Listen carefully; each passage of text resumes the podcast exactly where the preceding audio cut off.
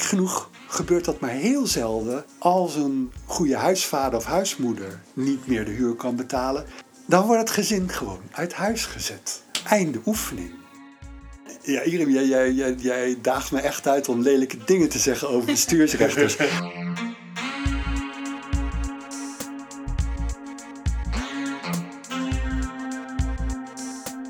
Dit is de Leila. Mijn naam is Hiram Chucker en ik zit hier samen met mijn co-host Hamza Dupré.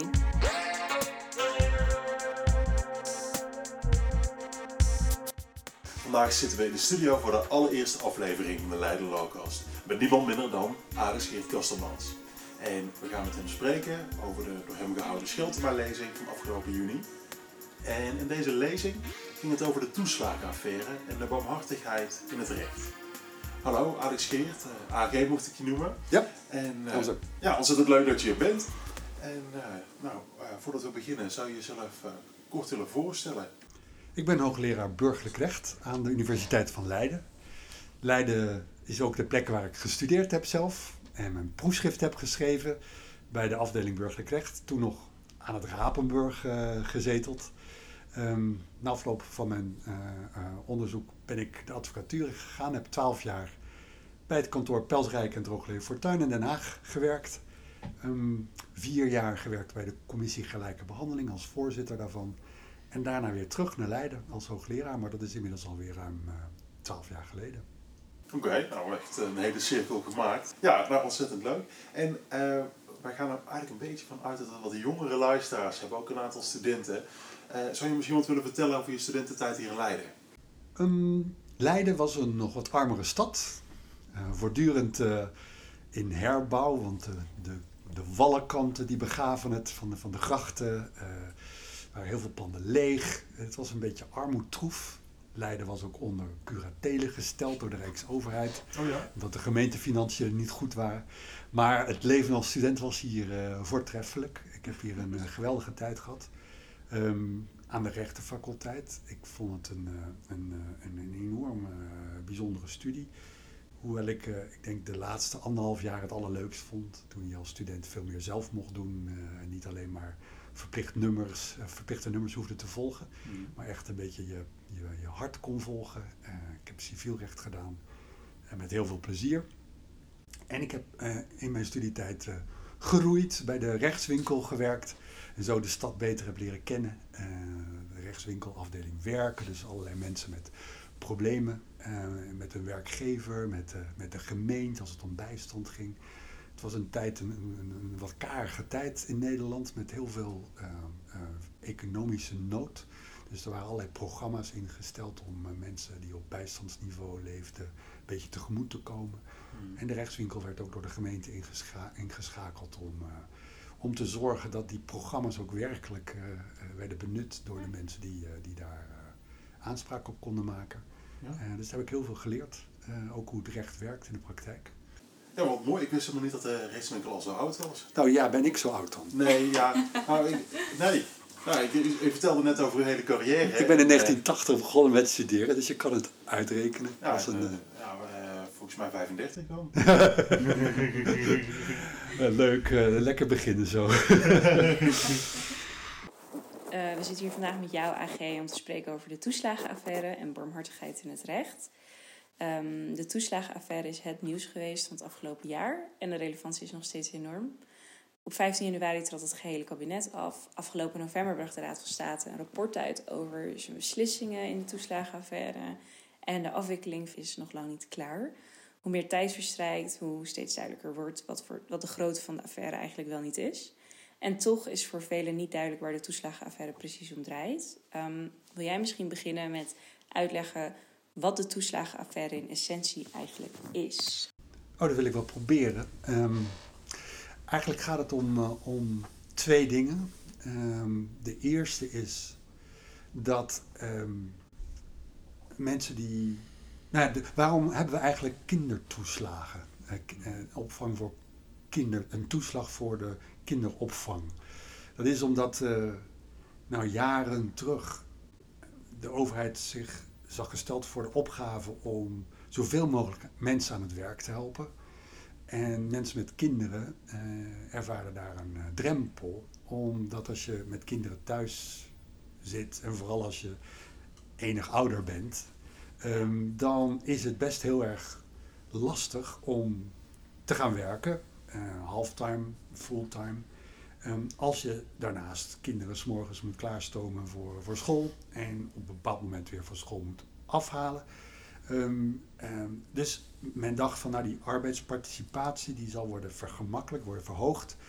Als we zorgen dat het in ieder geval geen financiële barrière is mm -hmm. om uh, kinderopvang te krijgen. Dus er is een idee, een systeem bedacht van een toeslag door de Belastingdienst te organiseren. Een toeslag uh, die erin voorziet dat je uh, nou ja, een soort subsidie ontvangt voor de kosten van de kinderopvang. Dus de gedachte was op een gegeven moment, hoor, lopende traject van de kinderopvangregeling. Mensen krijgen een voorschot. En dan moeten ze netjes na afloop verantwoording afleggen voor wat ze met dat voorschot hebben gedaan. -hmm. Um, soms werden die voorschotten, uh, of meestal werd de praktijk al betaald aan de kinderopvangorganisaties. Um, en dan gaat het eigenlijk om twee dingen. Daar begon ik mee. Het gaat om het toekennen van die, van die voorschotten.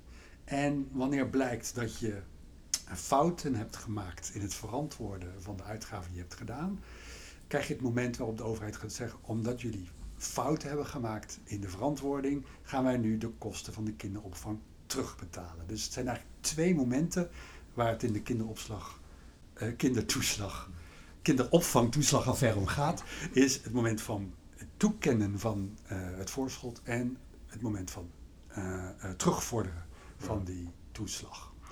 En het gaat op beide fronten mis. En dan komt het erop aan dat je die kinderopvangtoeslag, dat is een aparte wet, de wet kinderopvang, besluiten die je uit hoofden van die wet neemt. Ja, da daar zijn problemen gerezen dat de overheid die te, te, te precies is gaan toepassen, te weinig oog voor de concrete gevallen. En helemaal mis is het gegaan bij terugvorderen. Uh, de, die idee is gerezen dat de regeling die gaat om het terugvorderen van die kinderopvangtoeslag, dat die zo precies is geregeld dat als je maar één fout in je, in je uh, verantwoording hebt gemaakt, ja. dat dan het volle bedrag wat aan kinderopvang uh, is betaald moet worden teruggevorderd. Mm -hmm. En je moet je voorstellen, kinderopvang is duur. Ja. Als jij twee, drie jaar voor twee of drie kinderen uh, uh, kinderopvangtoeslag hebt ontvangen, kan het zomaar zijn dat je op enig moment 45.000 euro moet terugbetalen. En mensen zullen niet eens het besef hebben gehad dat er zoveel geld uh, mee is gemoeid. Um, je moet je voorstellen dat sommige mensen echt de hele verantwoording uit handen hebben gegeven aan de kinderopvangorganisaties. en anderen zullen niet door hebben gehad dat na verloop van tijd dat die bedragen zo enorm zijn opgelopen. En waarom we het zo erg vinden, is niet alleen dat mensen zulke enorme schulden moeten uh, aflossen, maar ook omdat de proporties een beetje uit het oog zijn verloren. Uh, de Raad van State heeft een rapport het licht laten zien waar ze ook zelf een aantal zaken heeft belicht. En een van die zaken ging het om een terugvordering van 17.000 euro waar mensen 190 euro niet hebben kunnen verantwoorden. En ja, dat is nou waarom we het zo erg vinden. Voor die gevallen waarin we zeggen, ja, dat had iedereen kunnen overkomen. Dat daar zo disproportioneel uh, besluit op is gevolgd. Want dat cumuleert maar en dan na verloop van tijd dat hele bedrag terugbetalen terwijl je wel kinderopvang hebt uh, genoten. Hè? Je kinderen zijn werkelijk tot bijna dat hele bedrag opgevangen door een gastouderbureau of wat voor organisatie ook. Ja, dat is van een hardheid die ongekend is. Volgens mij hebben we hier al ook een stuk van de Schiltema-lezing te pakken. Want uh, je zegt ook van, nou, het is de RVS en, de rechtbank. Zeker van hen hebben ze gekregen. Dat zijn geen bestuursorganen, dat zijn rechters. rechters. Ja, uh, nou, misschien kunt u daar jij er dan weer over vertellen in het, uh, in het, in het burgerlijk recht. Wat juist, nou ja, barmhartiger, redelijker. Zou je daar misschien meer over kunnen vertellen? Want ja, ja, nou, laten we één uh, misverstand uh, uit de wereld helpen. Um, en dat is dat het burgerlijk recht barmhartig is. uh, want dat is het in 9 van de 10 gevallen helemaal niet. Maar er zitten wel escapes in het burgerlijk recht. Ja. En die heb ik in de Scheltema-lezing willen, willen geven. Eh, niet met de bedoeling dat die één op één kunnen worden doorvertaald in het bestuursrecht, want ik ben geen bestuursrechtjurist, maar wel met de bedoeling dat, ja, om nog eens even vertellen hoe wij daar in het civiele recht mee omgaan, dat dat misschien tot inspiratie strekt van de bestuursrechters en bestuursrechtjuristen om te kijken van hebben we nou een pendant van die mogelijkheden ook in ons bestuursrecht. En daarmee heb ik teruggegrepen op een discussie uh, in de jaren 20 van de vorige eeuw, eigenlijk de nasleep van de Eerste Wereldoorlog, waarin uh, verschillende uh, gevallen bij de rechter zijn terechtgekomen, die heel slecht zijn ontvangen eigenlijk bij, de, bij de mensen die naar de rechtspraak kijken. zoals de oud-hoogleraar burgerlijk recht hier in Leiden, professor Meijers. Mm -hmm. Of de oud-hoogleraar burgerlijk recht in Amsterdam, Paul Scholten. Um, die, die hebben gezegd van luister eens, deze uitkomsten in procedures die getuigen van een enorme onbarmhartigheid, onbillijkheid en had je hier als rechter het niet anders kunnen doen. De billijkheid wil ook wat. Ja. Dus wanneer je onrecht ziet, moet je daar gewoon wat aan kunnen doen. Mm -hmm. En ja, dat is eigenlijk uh, uh, voor ons huidige tijdsgevricht de start geweest van het, het, het werken met redelijkheid en billijkheid. We spreken nu over de toeslagenaffaire, maar we doen dat best wel in abstracte termen. Maar als we eigenlijk steeds meer zien en vooral horen over wat er precies is gebeurd in de afwikkeling. Er zijn een paar maanden geleden, volgens mij twee maanden geleden is dat nu, is er meer informatie naar buiten komen, gekomen dat bijvoorbeeld heel veel kinderen uit huis zijn gezet. Nu kan ik me voorstellen dat ook als je hier als rechter naar kijkt, dat je toch wel begrijpt tot een bepaald punt van oké, okay, we zien hier een gezin, uh, kindertoeslag, dat, daar lijkt ze al recht op te hebben. Dus uh, dan moet er vrij duidelijk worden dat het op een gegeven moment van dit wordt een hele pijnlijke exercitie als we nu alles moeten gaan laten terugbetalen. Dat... Weet je, Hamza, in het burgerrecht hebben wij daar nou helemaal geen moeite mee. En ik wil je één voorbeeld geven. En dat is het voorbeeld van Vroom en Dreesman. Ja. Oh, ja. Die fantastische organisatie had vroeger een hele mooie warenhuisketen. En had ook in eigendom die hele mooie warenhuizen. Nou ja, toen kwamen er partijen die dachten, we moeten zoveel mogelijk geld uit deze organisatie halen. Wat hebben die gedaan? Die zijn de warenhuizen gaan verkopen aan onroerend goed uh, uh, maatschappijen die dan vervolgens die warenhuizen weer verhuurden aan Vroom en Dreesman. Ja. Dus Vroom en Dreesman heeft gecashed eigen steen hebben ze te gelden gemaakt. Ja. En dan een aantal jaren later hadden ze een paar slechte winters. Te warme winters, waardoor die enorme voorraden donze winterjacks maar bleven hangen in de, in de voorraadschappen. En kon Vroom en Dreesman de huur niet meer opbrengen. Dan gaat er zo'n onroerendgoedmaatschappij naar de rechter en die zegt: Vroom en Dreesman moet mij de huur betalen. En dan zegt de rechter, uh, op natuurlijk het verweer van Vroom en Dreesman: het gaat heel erg slecht met Vroom en Dreesman. En er zijn heel veel verhuurders die bereid zijn om een tijdje coulance te betrachten tegen Vroom en Dreesman. Waarom doet u dat niet, verhuurder? -hmm. Ja, zegt de verhuurder. We zijn dit gewoon overeengekomen, vorig jaar nog. Dus contract is contract, strekt partijen tot wet. Vroom en Dreesman moet gewoon betalen. En dan zegt het Hof Arnhem, hier werken tienduizenden mensen met even zoveel gezinnen die afhankelijk zijn van het inkomen dat bij Vroom en Dreesman wordt gegenereerd, nu betaling van de huurprijs te verlangen van Vroom en Dreesman, zou het lot van al die gezinnen in de waagschaal stellen. Ja. En dan zie je dat de rechter bereid is om te zeggen tegen de verhuurder: Jij mag nu niet nakoming van de overeenkomst door Vroom en Dreesman vragen als een rechter dat kan, hè, dat bereid is om dat allemaal mee te laten wegen, Ja. om tot het oordeel te komen dat een, een zo'n groot bedrijf als Vroom en Dreesman niet zijn huur hoeft te betalen. Gek genoeg gebeurt dat maar heel zelden als een goede huisvader of huismoeder niet meer de huur kan betalen. Dan wordt het gezin gewoon uit huis gezet. Einde oefening. En die, dat voorstellingsvermogen, ja, dat moet, dat moet op een, een of andere manier ja, aangemoedigd worden. Eh, en, eh, ehm, en dat heb ik een beetje gemist, eerlijk gezegd. Ja. Eh, we kunnen het kennelijk heel makkelijk. als Roman Dreesman in de problemen zit. Maar zodra het gaat om de waterrekening, bijvoorbeeld, hè, die niet kan worden betaald, dan wordt het water afgesloten, ook als er kinderen thuis zijn. Nou, daar zijn we wel teruggekomen gelukkig. Er zijn nu allerlei schema's gemaakt dat waterleveranciers toch even moeten wachten met het afsluiten van de watertap. Er is ook zoiets als het recht op water voor kinderen. Ja, zeggen dan de schrijvers. Ehm, maar er is toch niet zoiets als een recht op gratis water. Maar dan zeg ik, kijk wat het burgerlijk recht heeft te bieden. Je hoeft misschien nu niet te betalen, maar misschien later wel als de problemen zijn opgelost. Het feit dat je nu zegt, je mag geen betaling eisen op straffen van afsluiting van de watertap. Je kan in het burgerlijk recht heel goed regelen dat de waterleverantie moet doorgaan, maar dat je nu alleen nu niet mag, de inning mag afdwingen. En zeker niet als dat gaat op straffen van afsluiting van de waterkraan. Dus dat recht op gratis water, daar gaat het helemaal niet over. Het gaat om de, de, de waterstroom te laten doorgaan, want er zijn kinderen in het spel.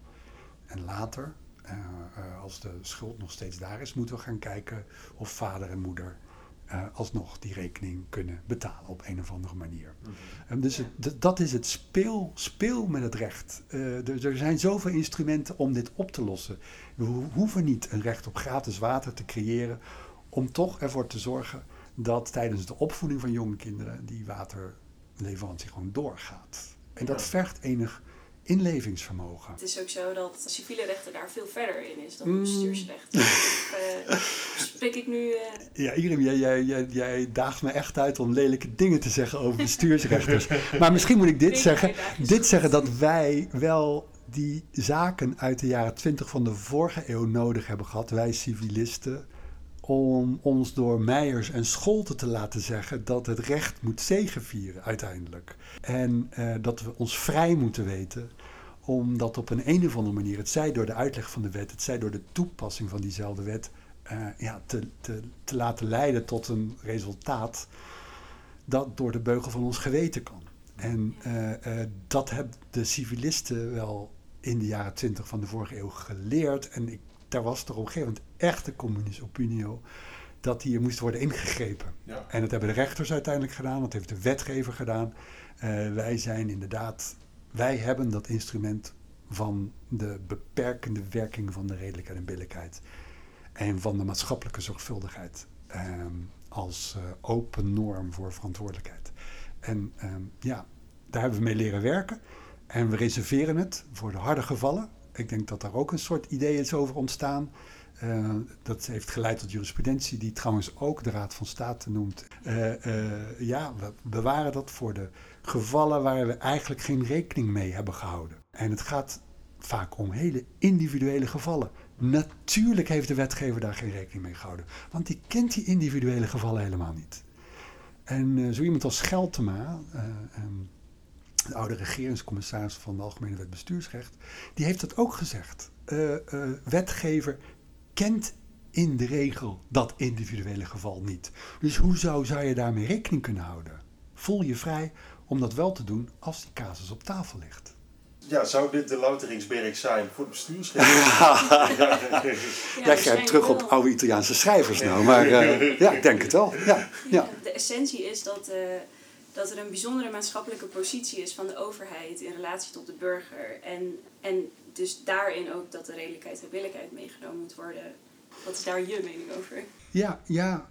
Of je dat zo moet noemen in het bestuursrecht. Hè, daar hadden we het net over, denk ik, Iren. Um, um, het, is, het zijn de civielrechtelijke termen. Uh, uh, ja. de, door de redelijkheid en billijkheid beheerste rechtsverhouding. Uh, en er gaan al stemmen op in het, in het in het bestuursrecht om die ook over te nemen in het bestuursrecht. Dat geldt trouwens wederzijds, hè? niet alleen voor de overheid jegens de burger, maar ook voor de burger jegens de overheid. Er zijn van die mensen die maar heerlijk uh, WOP-verzoeken blijven indienen totdat de administratie er helemaal gek van wordt. Weet je wel, die wet openbaar bestuurheid, mm -hmm. uh, openbaarheid van bestuur. Mensen blijven maar verzoeken indienen om inzage uh, van, van de onderliggende stukken van besluiten Uh, totdat daar hele afdelingen voor moeten worden opgericht om, om aan die verzoeken te kunnen voldoen. En als ze niet tijdig voldoen, dan moet je daar ook nog boetes over betalen omdat je te laat bent met het, uh, met het inzage verschaffen in die stukken. Nou, ook daarvoor geldt, wees een beetje uh, ordelijk, redelijk en biddelijk zou ik zeggen. Ehm, of je die term moet overnemen, ik ben daar neutraal in. Ik denk dat het uiteindelijk gaat om de inhoud. Hè? Het gaat om waar je onrecht ervaart. En dat is niet zomaar onbehagen, maar echt gewoon onrecht. Uh, gevolgen die naar maatstaven van redelijkheid en billijkheid onaanvaardbaar zijn. Dat is de term die wij ervoor gebruiken. Ja, dan moet je als jurist kunnen zeggen: ja, wij moeten hier voor een andere oplossing gaan. Ja. En, uh, en die vrijheid moet je gewoon nemen. En uh, dan is het altijd nog aan de wetgever om daar later van te zeggen: ho even, dit gaat een kant op die ik werkelijk niet heb bedoeld. Nou ja, dan moet hij maar ingrijpen. Wat ik hieronder wil zitten is van de rechter moet af en toe, mag af en toe iets, iets pakken. Nou, ik denk dat contra legem, dat zou denk ik te scherp zijn om te zeggen, maar toch best wel afwijken van wat de wetgever op heeft geschreven. Je mag het van mij contra legem noemen. Um, en er verblik of verblozen we niet bij, volgens mij. Want in, bij de totstandkoming van het burgerrecht is er uit en te na uh, stilgestaan bij de vraag of um, met behulp van de maatstaven van redelijk en billijkheid afbreuk kan worden gedaan aan de dwingende wet. En het antwoord was onomwonden ja. Wanneer dat onaanvaard wanneer de gevolgen van de toepassing van een bepaalde wet naar maatstaven van redelijke en billijkheid onaanvaardbaar is, dan moet dat kunnen. Nou, dan zie je dat in de wetgeving, in, pardon, in de rechtspraak, de Hoge Raad dat wel enigszins heeft genuanceerd, ook heeft gekeken naar artikel 120 grondwet en heeft gezegd, nou ja, dat moet dan wel gaan om gevallen waar de wetgever klaarblijkelijk geen rekening mee heeft gehouden. Ja. Uh, en uh, uh, even goede vrienden, natuurlijk. Uh, um, maar daar moet je niet bang voor zijn om dat op een gegeven moment die conclusie te trekken. Dit is zo'n geval waar de wetgever niet rekening mee heeft gehouden. En ik denk dat, de, dat in de toeslagenaffaire de rechter zich had moeten afvragen: heeft de wetgever werkelijk rekening gehouden met dit soort situaties waarin mensen een voorschot hebben gekregen, dan volgens op de 17.000 euro 190 euro niet hebben kunnen verantwoorden, dat je na verloop van tijd, zeg twee jaar, 17.000 euro moet terugbetalen, terwijl de kinderopvang gewoon genoot is en die subsidie gewoon doel heeft getroffen. En dan moet je zeggen, ja, dat kan toch niet wezen. Dat dat de wetgever voor ogen heeft gestaan. Maar tegelijkertijd kan ik me voorstellen dat het ingewikkelder is voor de bestuursrechter om, om tegen dwingend recht in te gaan. Met de bestuursrechter heb je toch weer een hele samenleving waar die wil weten waar geld naartoe gaat. En uh, ook fraudebestrijding is belangrijk. Dus dan heb je toch weer een iets wat andere verhouding.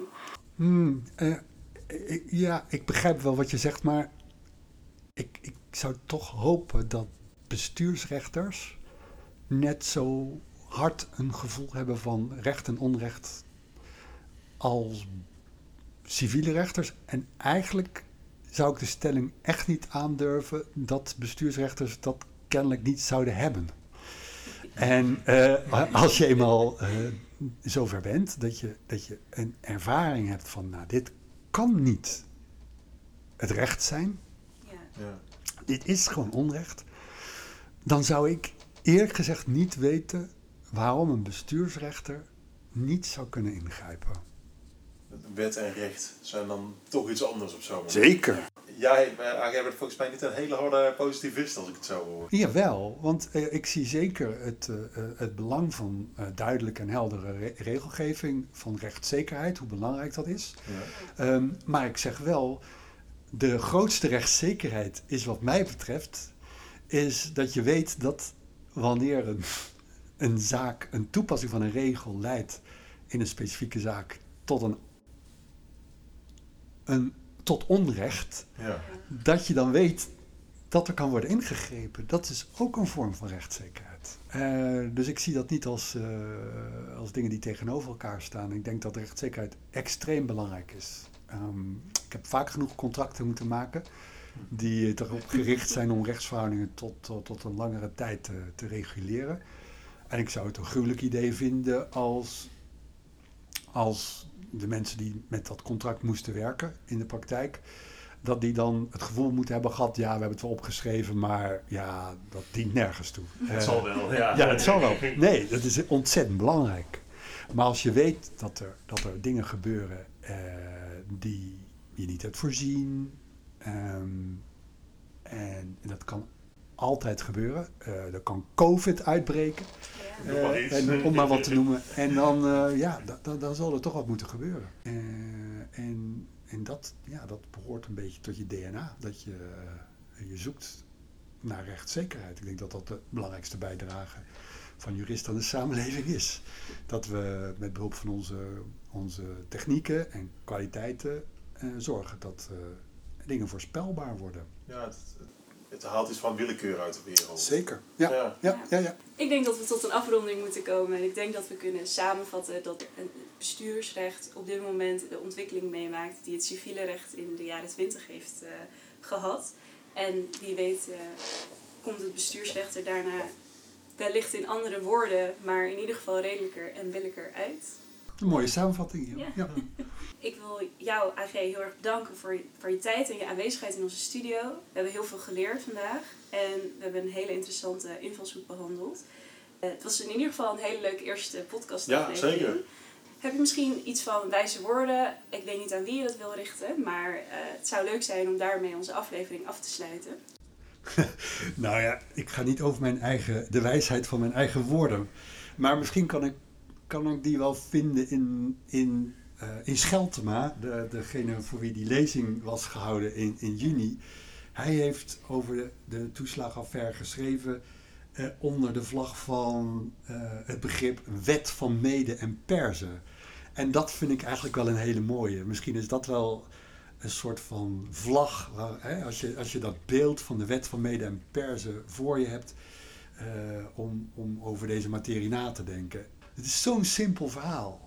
Uh, een koning die zich laat adviseren om een wet uit te vaardigen. Uh, uh, met als, als sanctie, als je niet aan de wet houdt, dat je voor de leeuwen wordt geworpen. Ehm, dan gedraagt iemand zich niet langs de lijnen die die wet voorschrijft. En de eerste die dan de leeuwenkuil moet, is een van de topadviseurs van de koning zelf. En op dat moment realiseert hij zich, ja wat vreselijk. Uh, uh, ik heb een wet uitgevaardigd en nou moet die goede Daniel in dit geval, zijn naaste adviseur, de leeuwenkuil in en wordt daar dus opgegeten. En hij probeert er onder vandaan te komen, maar zijn adviseurs zeggen, dit is een wet van mede pers. U moet eraan vasthouden. U heeft die wet uitgevaardigd. U mag daar geen afbreuk aan doen. En hij, ja, hij moet dus met ledenogen toezien hoe die Daniel in de leeuwenkuil wordt geworpen. En hij heeft een hele slechte nacht. Mhm. Ja. En de volgende nacht gaat hij, volgende dag gaat hij naar de leeuwenkuil toe en ziet dan tot zijn geluk dat op miraculeuze wijze de leeuwen zijn gemuilkorfd en dat Daniel daar gewoon nog springlevend in de leeuwenkuil zit. Een goede afloop. Ja, weet je, dit is zo'n oud verhaal uh, um, en zo sprekend. En als je dat nou voor ogen houdt, misschien is dat de inspiratie die je nodig hebt om, uh, om nou ja, ook in het leven van alle dag nu, is een beslissing te nemen die tegen de wet ingaat. Uh, het is uiteindelijk toch. Um, je schiet het meeste mee op met, een, uh, met, een, met, een, met, met, met je hart volgen en te staan, op te staan tegen onrecht. En dat is wat hier gebeurde. Ja, heel mooi. Ja, heel erg bedankt. En nou, uh, ja, wie weet, uh, tot ziens of tot sprekers nogmaals. Succes met de podcast, jongens. Ja, dankjewel. Heel erg bedankt. Volgens mij gaat dit goed komen. Beste luisteraar, uh, wij hopen dat je met heel veel plezier hebt geluisterd naar deze podcast. Mocht je meer over dit onderwerp willen weten, dan kun je het artikel lezen over de Scheltema-lezing van Alex Geert. En dat is in september uitgekomen in het tijdschrift op Bestuursrecht. Voor meer informatie over aankomende podcasts kun je @leiderlaw volgen op Instagram. En via dat account is het ook mogelijk om toekomstige gasten van de podcast vragen te stellen die wij wellicht kunnen opnemen in ons interview. Dit laatste is ook mogelijk via onze website. Daarvoor zetten wij de link in de show notes. Tot de volgende keer.